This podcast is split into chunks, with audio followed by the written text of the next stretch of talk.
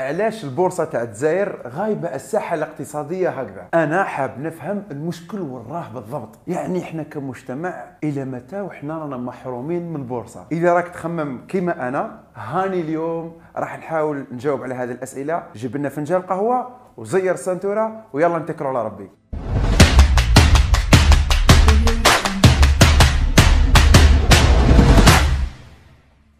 أنا كرجل اقتصاد كي نلقى باللي فلسطين اللي راها تحت الاحتلال والقصف والظلم ربي يفرج عليها على كل حال. عندها بورصة فيها 46 شركة مدرجة والقيمة السوقية تاع هذه الشركات تفوق 3 ملاير و270 مليون دولار. ربي يبارك ويزيد. وهذا بالرغم من أزمة كورونا. وكي نلقى باللي رواندا اللي خرجت من حرب أهلية طاحنة راح حوالي مليون إنسان ضحية تاعها البورصة تاعها العام اللي فات قفلت على مليار و600 مليون دولار. لمجموع 10 شركات مدرجة فيها. ومن بعد نلقانا باللي البورصة تاع الجزائر القيمة السوقية تاعها ما تعداش 322 مليون دولار. وهذه بقيمة سعر الصرف الرسمي. خاطر كون نشوفوها بالسوم تاع السكوار القيمة تاعها راح تكون حوالي 230 مليون دولار برك. هنا راني قادر نخرج من جلدي normal. ها سيدي معليش هنا رجعنا واش خاصنا إحنا البورصة تاعنا باش تعاوننا كيما البورصة تاع الدول الأخرى اللي تعاني أكثر منا إحنا؟ أتل إحنا ماناش عباد كيما هم ولا ما نستاهلوش ولا هم عندهم الزهر وحنا ما عندناش ولا راه كاين أسباب موضوعية اللي لازم نعرفوها ونعالجوها. ايوا اولا كاين شركات ما تحتاجش أصلا تمويل تاع البورصة. مثلا أنا كي عرفت بلي المتهم علي حداد خذا قروض 211 ألف مليار سنتيم هاني أنا ببساطة فهمت باللي المجمع تاعو ما كانش أصلا مضطر باش يروح للبورصة واصلا ما يخممش فيها كاع. مادام كيحتاج تمويل يديه. منطقيا أمثال علي حداد ما يحتاجوش أصلا تمويل تاع البورصة. حب يقول إذا راك فارهة كيما علي حداد وأمثاله هذا الفيديو راك ما تحتاجوش وما تضيعش وقتك كاع معايا. ثانيا لازم تعرف باللي عندك مليون و وخمسين ألف مؤسسة ما عندهاش الحق باش تدخل البورصه أصلا. علاش؟ خاطر هذه المؤسسات واللي تمثل حوالي 97% من النسيج الوطني من المؤسسات الصغيره والمتوسطه لي بي ام أو ها هو ما عندهاش الحق باش تدخل للبورصة حسب الشروط الحالية لأنها مؤسسات مصغرة. وهنا لازم تفرق لي ما بين مؤسسة مصغرة ومؤسسة ناشئة وهذا الشيء راح نرجع ليه في حلقة خاصة. وفوق هذا الشيء بقات معنا برك المؤسسات تاع المساهمة هي الوحيدة اللي عندها الحق باش تدخل البورصة وهذه معاها شروط أخرى راح تلقاها في التعليقات المرافقة لهذا الفيديو عبر الفيسبوك وصندوق الوصف عبر اليوتيوب. وبشكل عام راح تلقى هذه الشروط في موقع بورصة الجزائر. إلى حد الآن فهمنا بلي كاين مؤسسات مش محتاجة أصلا باش تدخل البورصة وفهمنا بلي كاين مؤسسات موضوعيا ما تقدرش تدخل للبورصة. بصح أنت هنا تقدر تطرح لي سؤال تقول لي يا رحيم علاش المؤسسات اللي عندهم حق يدخلوا علاه ما دخلوش؟ شوف صديقي هو دخول البورصة يتطلب الإفصاح عن القوائم المالية والشفافية في التعامل وحتى تطبيق آلية الحوكمة. وهذا الشيء اللي راه صعيب بزاف باه يصرى في وقتنا الحالي. علاش؟ شوف يا معلم اللي راح نقولها لك درك على بالي بلي راح تبان لك بعيدة عن الموضوع. بصح في الحقيقة هي من أهم مسببات غياب البورصة والتخلف الاقتصادي. هذا إذا ما كانتش هي السبب الرئيسي لكل هذه المعاناة. كي كل واحد منا عايش في دولة الخدمات العمومية اللي فيها سيئة الجودة والبنية التحتية تاعها ضعيفة والإدارة تاعها تعرقل النشاط الاقتصادي بدل ما تعاونوا ويكونوا أصحاب المشاريع مش راضيين على الخطة اللي تسير بها الاقتصاد تاع البلاد. وعموما المناخ الاستثماري يكون ما يساعدش. راح تنهار المعنويات الضريبية تاعهم. وبالتالي هنا أصحاب المشاريع راحين يتهربوا من دفع الضرائب تاعهم. وإذا كان هذا الجو مخنوق بالبيروقراطية ولقاو باللي الضرائب تاعهم في الأخير راح ياكلها الفساد فهنا الأزمة رايحة تزيد تتعمق. فحسب كولين ويليامز قال لك باللي في وضعية كما هذه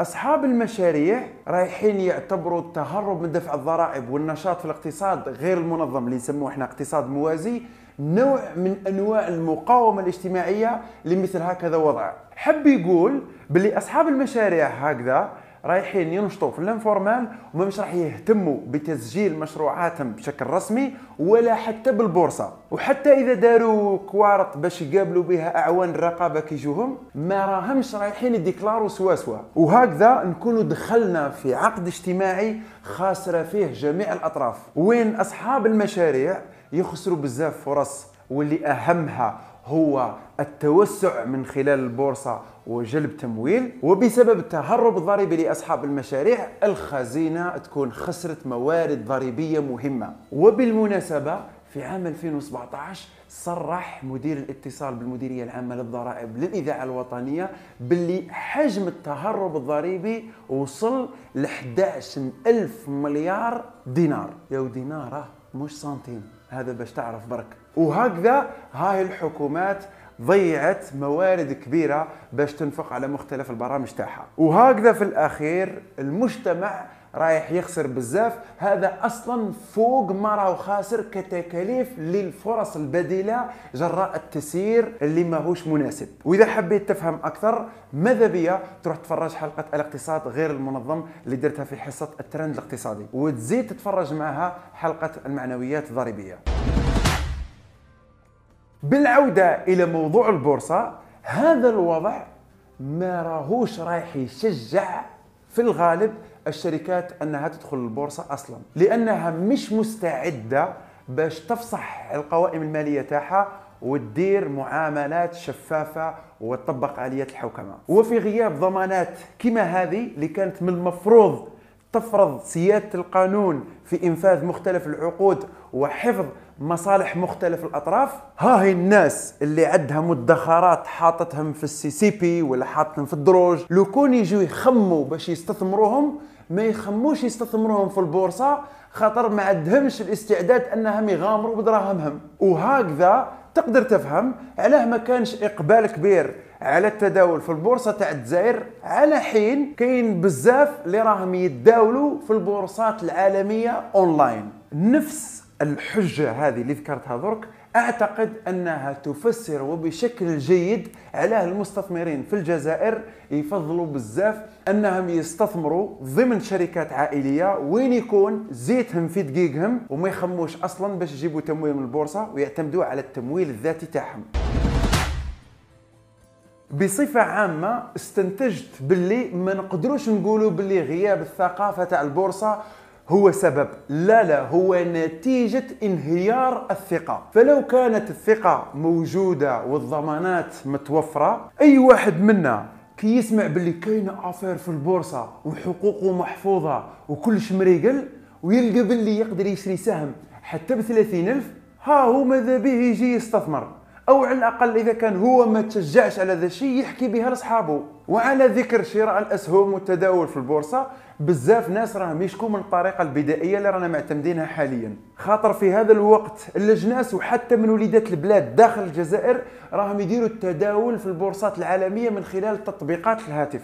أما اللي حب يتداول في الأسهم تاع البورصة تاع الجزائر لازم له يدي بلاصي للوكالة تاع البنك اللي يتعامل معاه ويقول له اشري لي ولا بيع لي. وهنا قادر يقول لك الموظف تاع الوكاله يقول لك وليدي والله جامي سمعت أنا بهذه الحكاية وتولي أنت مضطر تفهمه وتجيب له القانون وتقول له ها واش كاين ها واش كاين ها واش كاين. وأنت هنا مجبر باش تفهمه إذا حبيت تداول في الأسهم تاع البورصة تاع الجزائر وما عندكش بديل واحد آخر. لأنه والى غاية الآن المشرع الجزائري وبموجب المرسوم التشريعي 1093 المعدل والمتمم فرض على البورصة أنها تمنح السلطة الحصرية للتداول على القيم المنقولة فيها لوسطاء ماليين واللي هم حاليا 11 بنك تجاري في حين أنه أصلا اللي يتعاملوا مع البورصات هم البنوك الاستثمارية مش التجارية. على كل حال أروح نشوفوا مع بعضنا التصريح نتاع السي يزيد بن موهوب المدير العام لشركة تسيير بورصة الجزائر. في 2020 إن شاء الله راح نطرحوا هذه هذا النظام المعلوماتي الجديد اللي يسمح اولا أنه ما يسمى لي يعني بالتداول مباشرة عبر البورصة.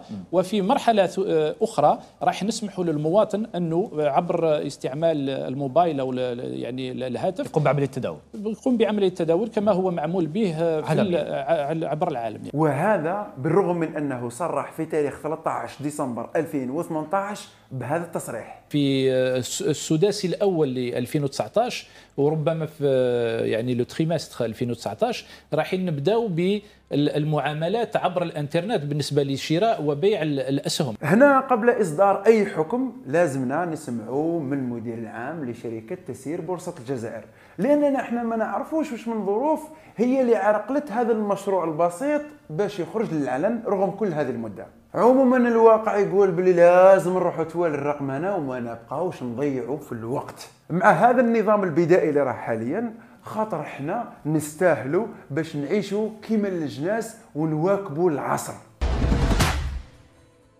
في الختام مع تحسين المناخ الاستثماري وارتفاع المعنويات الضريبية واحتواء الاقتصاد غير المنظم وعصرنة النظام البنكي وتفعيل آليات الدفع الإلكتروني وتمديد فترة التداول لتشمل بقية أيام الأسبوع. ما هيش كما درك عندك ثلاثة أيام برك؟ مع تفعيل المنافسة في السوق الوطنية ومكافحة الاحتكار وتأسيس لعبة عادلة ودفع الشركات نحو الحوكمة والإفصاح والعمل بشفافية وفتح المجال أمام الأجانب للتداول في بورصة الجزائر رايحين نشوفوا إقلاع في البورصة واللي بدوره راح يساهم في إقلاع الاقتصاد الوطني.